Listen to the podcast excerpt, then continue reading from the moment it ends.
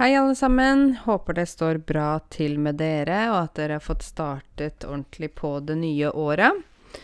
Eh, jeg er i gang.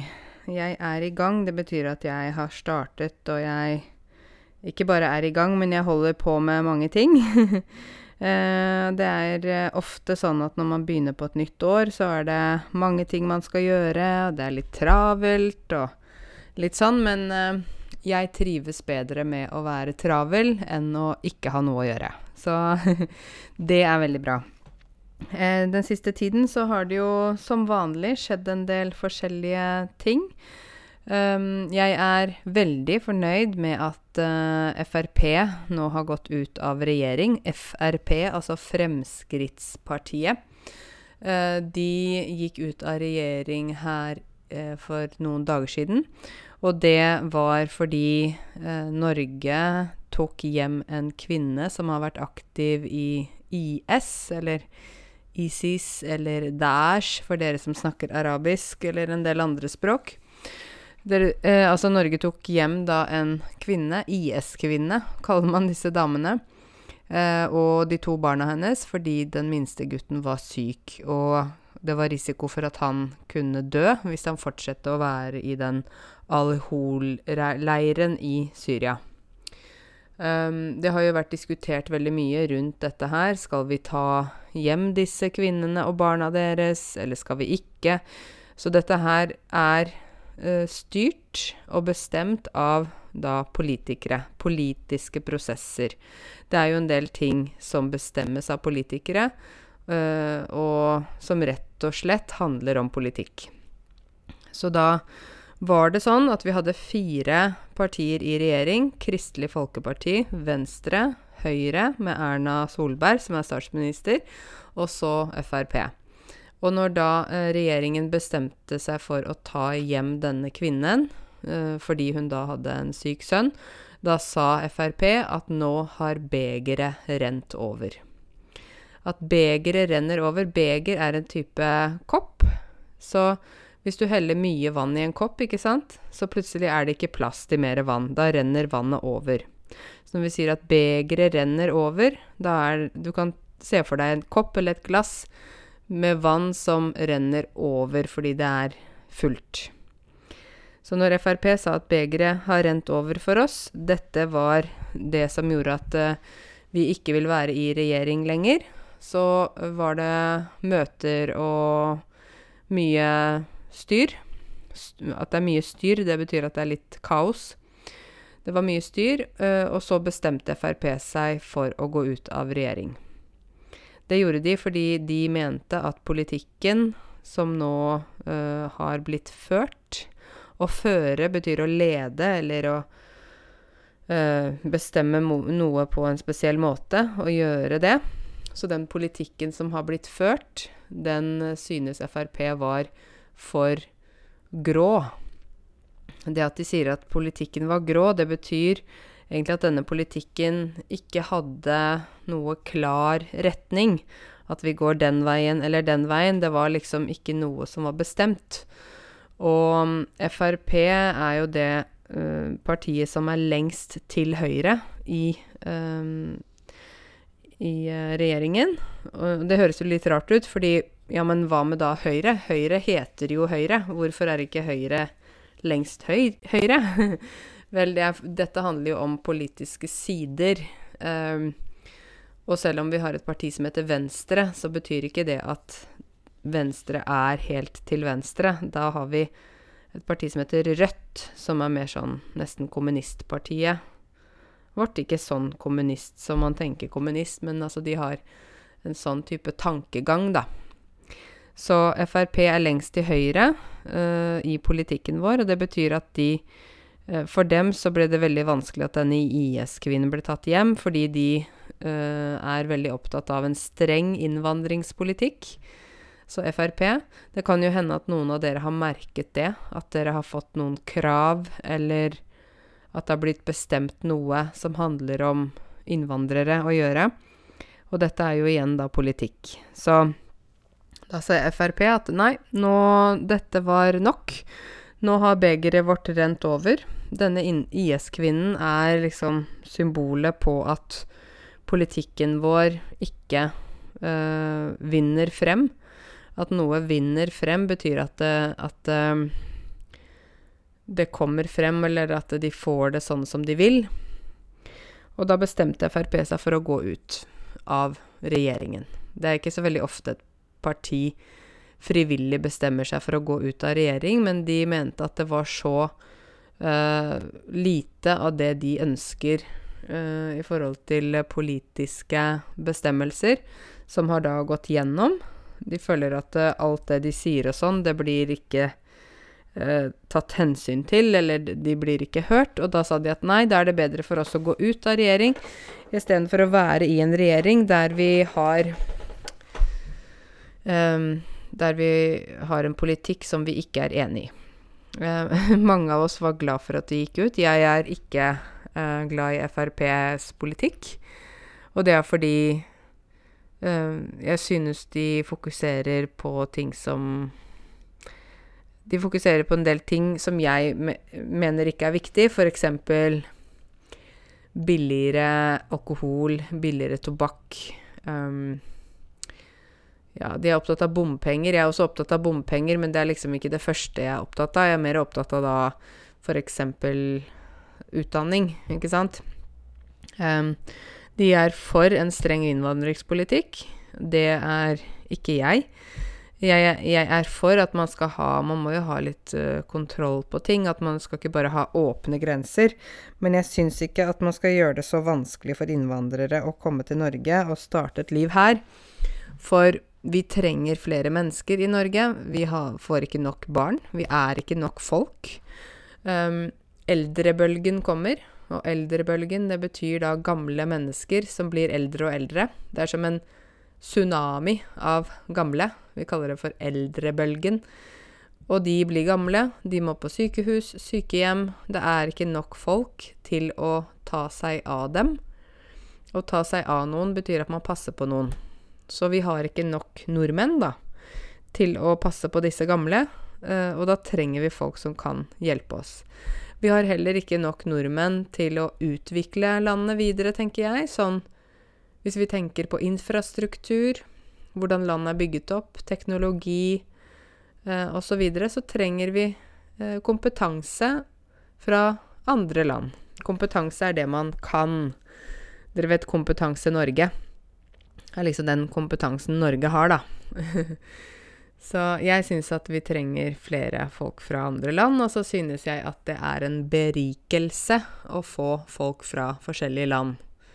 En berikelse betyr noe som på en måte gjør deg rikere, men ikke i forhold til penger, men i forhold til um, Vi kan si bekjentskap eller vennskap, eller at du blir et bedre menneske når du er sammen med den og den personen, f.eks.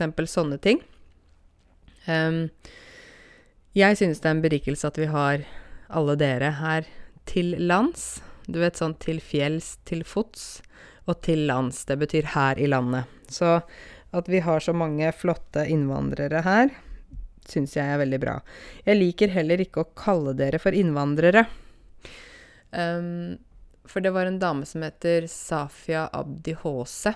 Hun har bodd i Norge i, jeg vet ikke, 30 år. Hun er opprinnelig fra Somalia. Hun er sykepleier. Hun har uh, hun har gått på alle fjelltopper, flere fjelltopper enn meg. hun snakker godt norsk. Hun sa eh, i, i sånn foredrag hun hadde, da, hun snakket foran mange mennesker, og så sa hun Jeg vil ikke være innvandrer lenger.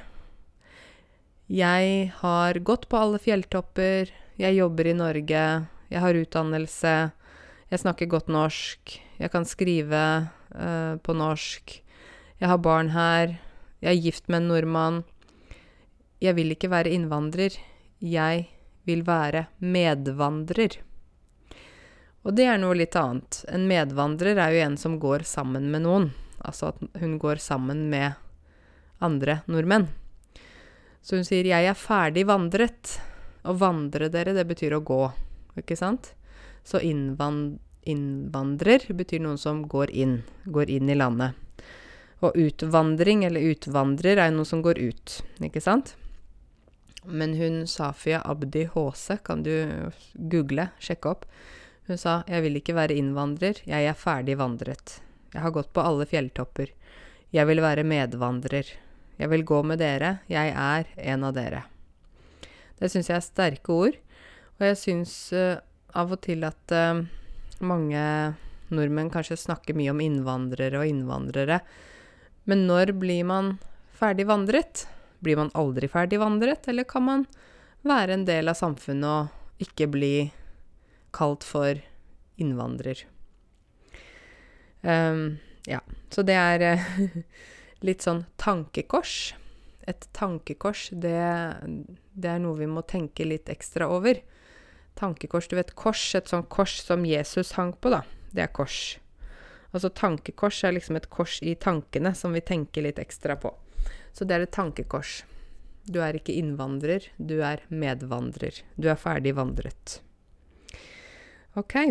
Uh, I forrige uke så var jeg på begravelse. Og jeg tenkte jeg skulle fortelle litt om det, fordi jeg tror en del av dere kanskje lurer litt på dette her med begravelse, hvordan er det i Norge osv. Begravelse er jo den seremonien vi holder for noen som er død. Um, det var sånn at mammaen min har ei kusine som heter Jorunn. Og Jorunn uh, var gift med en mann som heter Morten i mange år. Um, ikke så mange år som de var gift, faktisk. De var gift i syv år, men de hadde vært sammen i 18 år.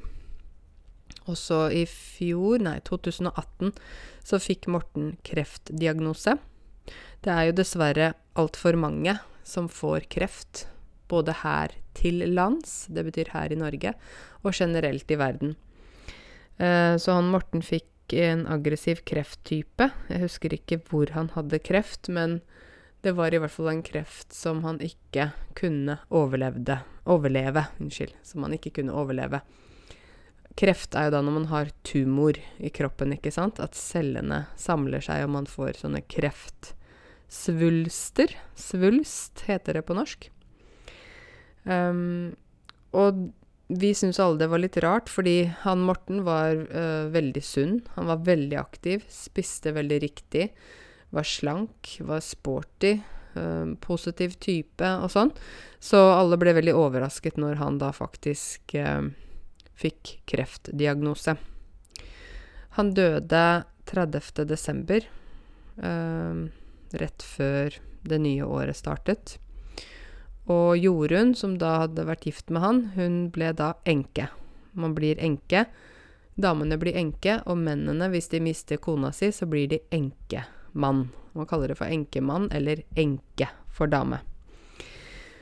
Um, og det er jo veldig tøft å miste noen, selv om man vet kanskje at noen har en alvorlig sykdom, en alvorlig diagnose.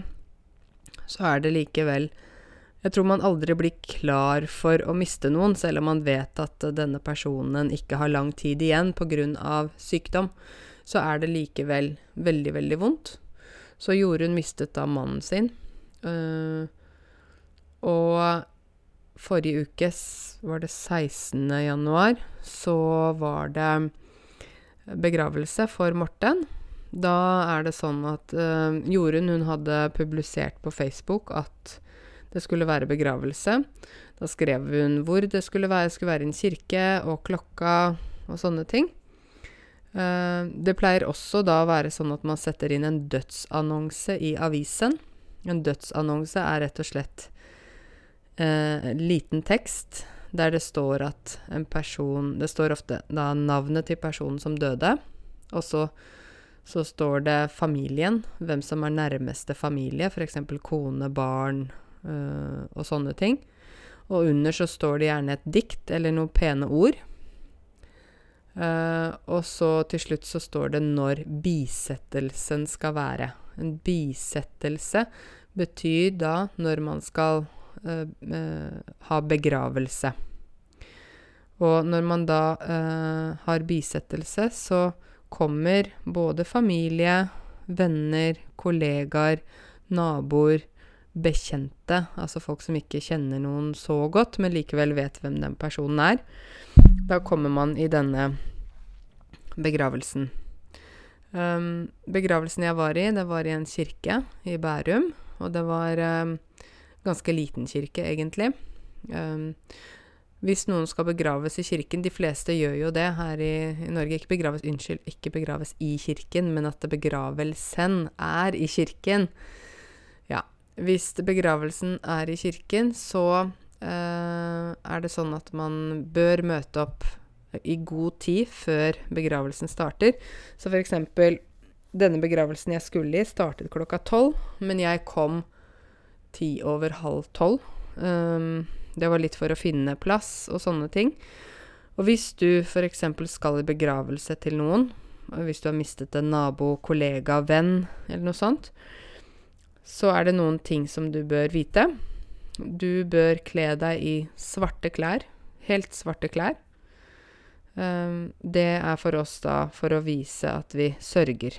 Det er en For oss er det en farge Det er jo ikke en farge, men det viser at vi er i sorg, og at vi viser respekt til den som er dødd. Vi kler oss i svart for å symbolisere på en måte at dette er en sorgens dag. Uh, kle deg i svart. Kom tidlig, kanskje 20 minutter før man starter. Og så er det en annen veldig viktig ting. Når det gjelder hvor du skal sitte i kirken, så uh, må du huske at de som er nære familie, helt nære familie, de skal sitte helt foran. Der skal ikke venner sitte, der skal ikke familie, kollegaer sitte, der sitter familien. De er ofte tidlig ute, familien. Men hvis du eh, Hvis dette var en person som var i din familie, eller la oss si du er gift med en nordmann, eller noe sånt, så kan du sette deg litt lengre frem. Hvis du var venn eller kollega eller noe sånt, så gjerne sett deg litt lengre bak. For det er litt sånn De som er nærmest den som har dødd, de sitter foran. Og, de, og så er det sånn man setter seg lenger og lenger ned ettersom man er nær eller uh, bare bekjent, kanskje, av den som er død. Og så er det da, hvis det er en sånn kristelig begravelse, så er det en prest som både taler, og så når man kommer inn i kirken før det starter, så får man en, um, en sånn Hva skal jeg si? Ikke en brosjyre, nei. Man får en um, Jeg vet ikke hva det heter. Papir, da, der det står Det ofte bilde av den som døde, og så er det noe forskjellig hva de skal lese fra Bibelen. Og så er det noen sanger Eh, noen sanger så står det kanskje at det er solosang. Da betyr det at de har en eller annen person som skal synge uh, en sang alene. Så står det at uh, det er noe alle skal synge. Vi, uh, hvis du ikke kan de sangene, så kan du på en måte Du må ikke synge. Men ja, i hvert fall sånn er det. Um, og så, når begravelsen er ferdig, så hører man at de klokkeren ringer i, i klokka. Sånn dung, dung, dung Ikke sant? Sånn type lyd fra klokketårnet. Og da er de som skal bære kista ut, for den døde ligger i en kiste. Det heter kiste. Den er hvit eller naturfarget, det er litt forskjellig. Og de som skal bære kista ut, de går foran til kista. Ofte er det menn, sterke menn, som bærer, og det kan også være kvinner, men de som er nære i familie ofte, eller nære venner eller noe sånt. Så bærer de kista ut, og så følger da, går familien, som sitter foran, de begynner å gå bak kista først, og så fyller man på rekke etter rekke. Så de som da satt bakerst i kirken, de går sist ut. Så hvis du sitter Hvis du ikke kjente denne personen så godt, så skal du ikke sitte foran, det har du sikkert forstått nå. Skal du sitte lenger bak, og så skal du også gå sist ut. Du skal ikke gå først. Det, først kommer kisten med den som var død, og de som bærer den. Så kommer familien. Så kommer litt fjernere slektninger og familie. Så kommer da venner, kollegaer osv.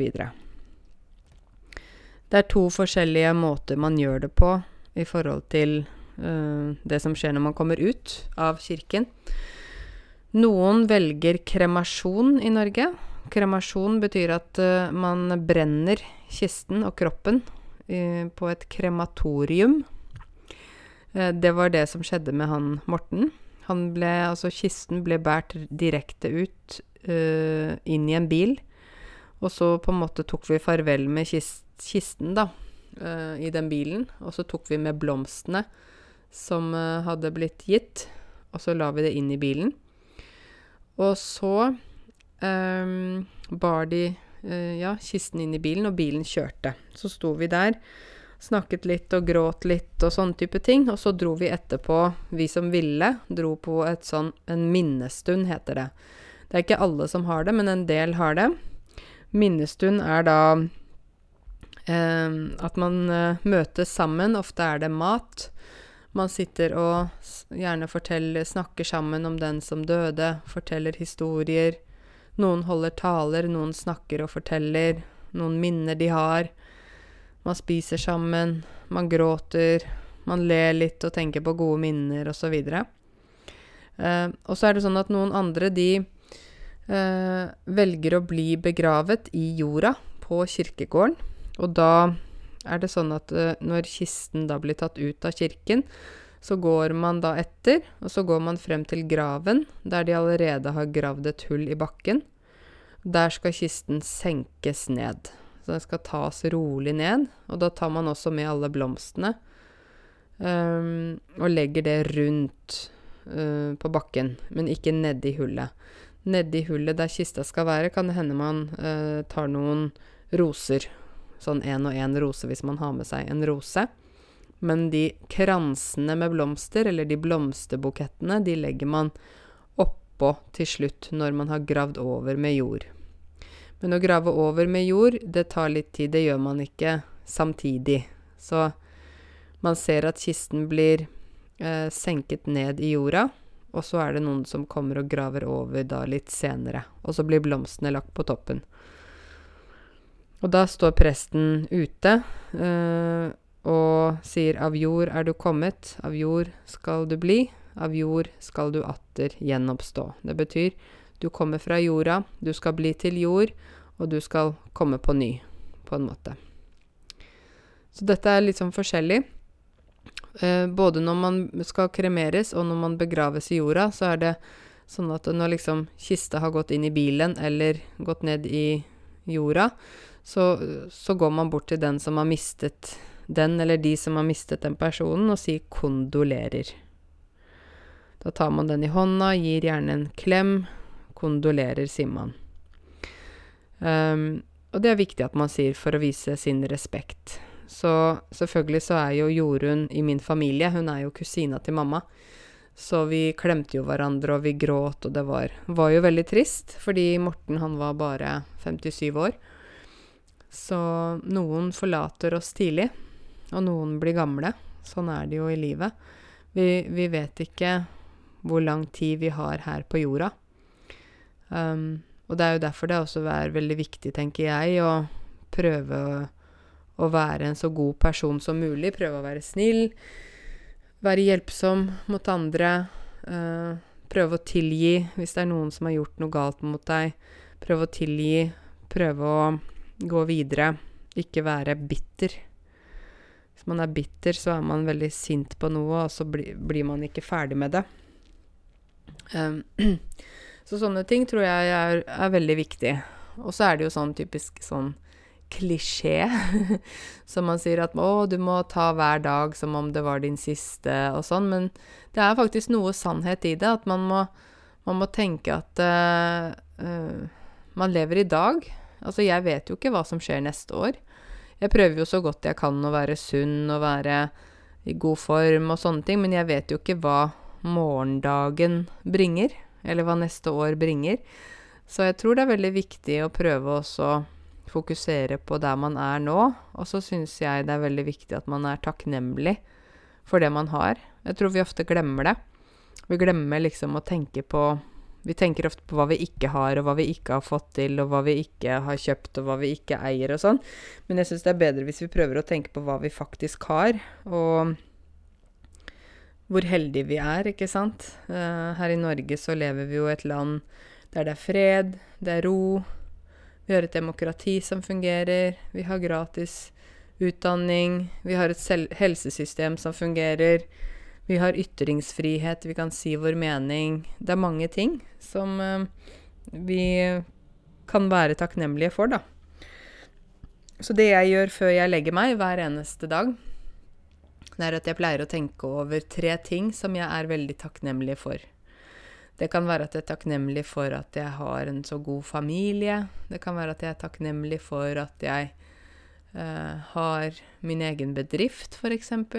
Jeg kan være takknemlig for at jeg får hjulpet så mange folk på YouTube. Jeg kan være takknemlig for at jeg har en fin hund. Ja, jeg kan være takknemlig for at jeg lever i et fredelig land, eller at jeg får spise hver dag. Mange sånne ting. Så det kan jo du også prøve hvis du ikke har gjort det før. Istedenfor å tenke på sånne negative ting og alt du ikke kan og sånne ting, tenk heller på hva er jeg takknemlig for? Hva har jeg lyst til å tenke litt ekstra på? Og så være takknemlig for det man har, da. Jeg tror det er veldig viktig. Um, jeg håper jo at um, det kommer til å gå greit med Jorunn videre. Vi sier jo når noen da er død, så sier vi kondolerer til den som har mistet noen, og så sier vi hvil i fred. Altså sånn som man sier på engelsk 'rest in peace', så sier man på norsk 'hvil i fred' til den personen. Så sånn er livet. Livet er uh, uforutsigbart. Det betyr at vi vet aldri helt hva som kan komme, hva som kan skje, osv. Så, videre. så vi må ta vare på hverandre og være snille mot hverandre og være gode venner, naboer, kollegaer og familiemedlemmer osv. Så, mm. så da håper jeg at dere i hvert fall vet litt mer om, uh, om dette med begravelse, da. Det er jo det er jo ikke så lett å vite hvordan man skal oppføre seg, hva skal man gjøre, hva skal man ikke gjøre, og sånne ting. Så det er jo på en måte noe å lære seg, tenker jeg, da. Nå over til noe annet. Uh, nå sitter jeg her på kontoret mitt og har nettopp sjekket uh, min nye webside. Jeg skal lage en ny webside til Eh, skolen min. Så det blir veldig spennende. Jeg har hatt møte med et designfirma, og de skal lage en ny webside. Og da tenkte jeg at jeg skulle også ha uh, Oversette mye av det til, til eh, de ti største språkene, altså språkgruppene av dere som følger meg. Eh, så jeg tenkte jeg skulle sette ut en litt sånn undersøkelse på Facebook og se hvilke land folk kommer fra, og hvilke språk de snakker. Sånn at jeg kan ha uh, forskjellige språk på websiden min, så det gleder jeg meg masse til. Uh, og nå begynner ting å komme opp og stå. At noe er oppe og står, det betyr at det fungerer. Vi bruker jo stå, verbet stå, for mange ting. Uh, at noe er oppe og står da, da er det i gang. Da fungerer det bra. Så det, det blir spennende. Uh, jeg tenker jo på Det er jo kanskje mange av dere som kanskje lurt på av og til om dere skulle startet egen bedrift eller lurer på hvordan det fungerer og sånt i Norge. Og da vil jeg jo si at uh, det er absolutt mulig å ha en egen bedrift. Det er jo litt papirarbeid og litt sånne ting å tenke på, men, men det, er jo, det er jo mulig. Jeg tror veldig mange nordmenn er veldig redde for å ha en bedrift, starte bedrift. De vil gjerne, en del f.eks. lærere, da, vil gjerne jobbe i kommunal, kommunal sektor eller kommunale jobber fordi de syns det er trygt, og de synes det er litt sånn lettere å være ansatt. Uh, mens i mange andre land så er det jo veldig vanlig at man har en bedrift, en familiebedrift, at familien starter noe eh, sammen. Det er ikke så vanlig her i Norge, men jeg syns det, det gir gode muligheter til å skape sin egen arbeidshverdag. Og det syns jeg er veldig bra. Og, og jeg vil jo si her i Norge så er det jo uh, Man har jo ikke så mye konkurranse. Det er jo et land der det ikke er så mange mennesker. Mens i andre land, hvis man har en bedrift, så må man tenke at det også kommer til å være mange som eh, også har eh, Ja, er, hvor det er konkurranse, da. Mellom bedriftene. Så her syns jeg det er litt mindre av det. Jeg selv er ikke så veldig sånn konkurransemenneske. Noen tror kanskje det, at jeg er veldig sånn 'Å, jeg skal konkurrere, og jeg skal vinne', og sånn, men nei. jeg er ikke sånn. Når det gjelder f.eks. å spille spill, spille kortspill, spille forskjellige brettspill, spille, vet ikke, PlayStation, Nintendo um, Alle sånne ting. Så er jeg ikke opptatt av å vinne. Uh, vi sier jo på norsk at uh, det er mange som er dårlige tapere, så hvis de taper, så blir de bare så sure og vanskelige. Jeg For meg så er det Hvis jeg taper eller vinner, så er det egentlig litt sånn det samme. Det høres kanskje litt rart ut. Har du konkurranseinstinkt? Er du sånn at du må vinne hvis det er noen konkurranser eller spill eller noe sånt? Eller sport eller Ja. Det er noen som har det. Og så Noen er gode tapere. De klarer å tape, og det går bra. Noen er faktisk dårlige tapere. De klarer ikke å tape, de, de blir sinte, sure, osv. Vi er litt forskjellige typer, da, egentlig. Så hvis du er en dårlig taper, så uh, kan det hende at du blir veldig irritert for sånne type ting med, med spill og sånn. Men jeg, har, jeg selv har jeg så Jeg vet ikke, jeg er ikke noe sånn konkurransemenneske. Jeg tenker OK, du vinner for deg selv, og jeg vinner for meg selv, og Ja. Sånn er det. det er uh, Ja. Jeg, uh, jeg vil jo si at det er uh, Jeg lagde jo Forrige gang så lagde jeg en sånn podkast der jeg snakket om positive ting som har skjedd i 2019. Og det er sånn nå, før jeg skulle lage denne podkasten, så gikk jeg inn og skulle se på hva jeg kunne snakke om, da, om det var noe spesielt som kanskje kunne være interessant. Men jeg syns det er Fortsatt er det drap, og det er vanskelig, og det er noe som har skjedd, noen som har slått noen, det er vold, det er ja, veldig mye sånn negativt. Um, så jeg uh, Ja, jeg kjenner at jeg ikke orker å snakke så mye om det. Jeg, jeg foreslo jo at dere følger med på klartale.no. Der kan dere jo se uh, de siste nyhetene, og det er på en måte uh, norske nyheter, utenlandske nyheter. Men det er skrevet på litt enklere måte, da, ikke sant? Så klartale.no, den bruker jeg en del selv, egentlig. Um, dette her med nyttårsforsetter, vet dere hva nyttårsforsett er? Nyttårsforsett, det er når man på en måte Når det kommer inn i nytt år, så lager man seg en plan. Ja, nå i 2020, da skal jeg gjøre dette, og nå, det, nå skal jeg endre meg selv, og jeg skal trene mer, jeg skal spise sunnere, jeg skal gjøre sånn, jeg skal gjøre sånn. Så jeg er ikke så veldig opptatt av sånne nyttårsforsetter, egentlig, for jeg tenker at uh, hvis vi vil endre noe, da, så kan vi jo gjøre det uten at det må bli nytt år, ikke sant? Uh, så jeg hadde ikke noe nyttårsforsett, egentlig, men, uh, men en ting som jeg har lyst til å gjøre mer av i 2020 uansett, er uh, å trene mer på sånn gruppetimer på treningsstudio. En del av dere sier jo gym, men det er feil. Vi sier ikke gym eller gym, vi sier treningsstudio, treningssenter, gå på trening.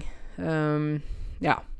Så på fredag så var jeg på min første spinningstime på veldig lenge. Spinning er jo at man sykler innendørs. Man sitter i en sal og sykler. Uh, og så har jo jeg fleksibel arbeidstid, så jeg kan jo jobbe som jeg vil. Så da trente jeg klokka halv ti på fredag på spinning. Tok på meg treningsklær og var klar for å trene skikkelig. Og det var ganske slitsomt. spinning er jo ganske tøft, fordi det er sykling. Man uh, skrur på motstand. Det betyr man skrur på et hjul på sykkelen som gjør at det blir tyngre og tyngre å tråkke. Og så har man musikk, så man sykler etter musikken på en måte. Men man kommer ingen vei. Man sitter jo på samme sykkel um, i 60 minutter. Men jeg var skikkelig svett etterpå, så det var deilig. Og da kunne jeg gå hjem og dusje og spise frokost og alt sånt med god samvittighet. Når vi har god samvittighet, da er vi veldig fornøyde med hva vi har gjort, eller hva vi har klart. Hvis man eksempel ønsker å stoppe å spise godteri eller kaker, og så klarer man det, da har man god samvittighet. Og hvis man da gjør det motsatte, at man sier at man skal stoppe å spise kaker, og så spiser man masse kaker, da har man dårlig samvittighet, fordi man har lovt seg selv en ting, og så holder man ikke det man lover. Og da blir det, da blir det sånn. Så jeg hadde veldig god samvittighet på fredag. Denne uken her tenkte jeg at jeg skulle øh, kanskje prøve litt zumba og litt øh, sånn type step, hvor man øh, går på sånne kasser og sånne ting. Jeg liker egentlig veldig godt å trene gruppetimer. For det er eh, bra musikk, det er flere mennesker, det er litt mer sånn gøy. Um, for meg og trening på treningsstudio, så blir jeg fort litt sånn åh, det er jo kjedelig. Selv om jeg vet at mange menn liker jo veldig godt å trene på treningsstudio, og vil ikke gå på sånne gruppetimer. Så kvinner og menn er jo litt forskjellige hvordan de liker å trene også. Men jeg liker i hvert fall veldig godt å trene på gruppetimer. Jeg er veldig opptatt av det å være uh, i aktivitet og være i god form. For jeg tenker at um, vi har jo bare én kropp, ikke sant? Vi kan ikke få en ny kropp. Vi har selv ansvar for å ta vare på helsa vår. Å ta vare på betyr å passe på. Så jeg må jo passe på min kropp. Det er mitt ansvar. Og du må passe på din kropp. Det er ditt ansvar.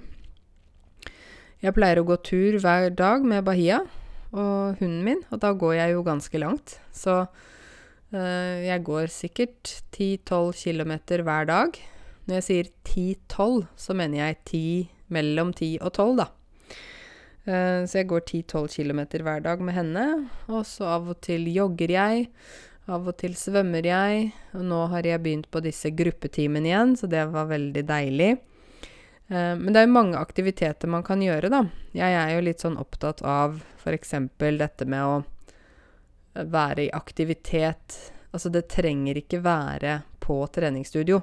Det kan være at du går til jobb, eller går Hopper av bussen to stopp før du egentlig skal gå av, ikke sant, og så går du resten. Gå trappa istedenfor å ta heisen. Gå til butikken og handle istedenfor å ta bilen. Uh, vaske huset er jo god trening. Man blir ganske svett da også. Um, gå tur i skogen, uh, sykle og sånne ting. Jeg syns også dette med naturlige aktiviteter er like så bra. Vi nordmenn er jo veldig glad i å være ute og få frisk luft. Og jeg vet ikke med dere, men jeg, jeg føler at det er veldig bra for både kropp og sjel og sinn. Kropp vet dere hva er.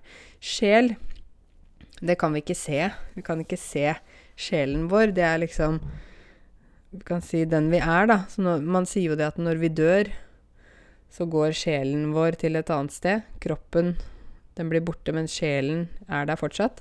Dere snakker arabisk. Roho. Roho. Vet dere hva det er?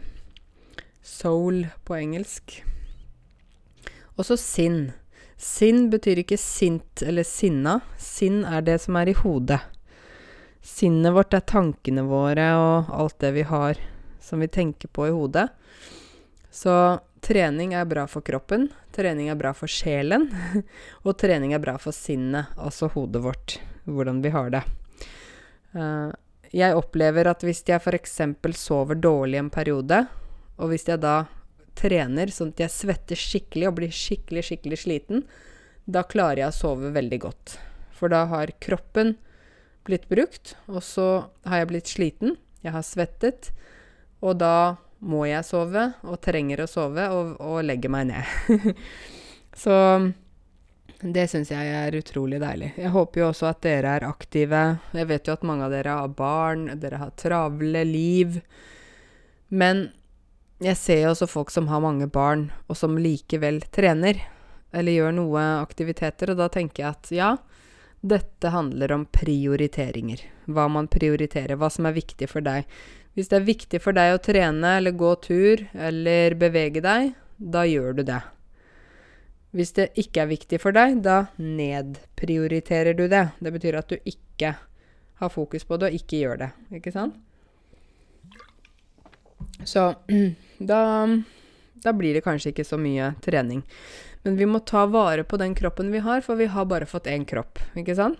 Så jeg håper jo at dere eh, er i aktivitet, og at dere prøver så godt dere kan å holde kroppen eh, i god form, sånn at dere Da har dere det jo også bedre selv.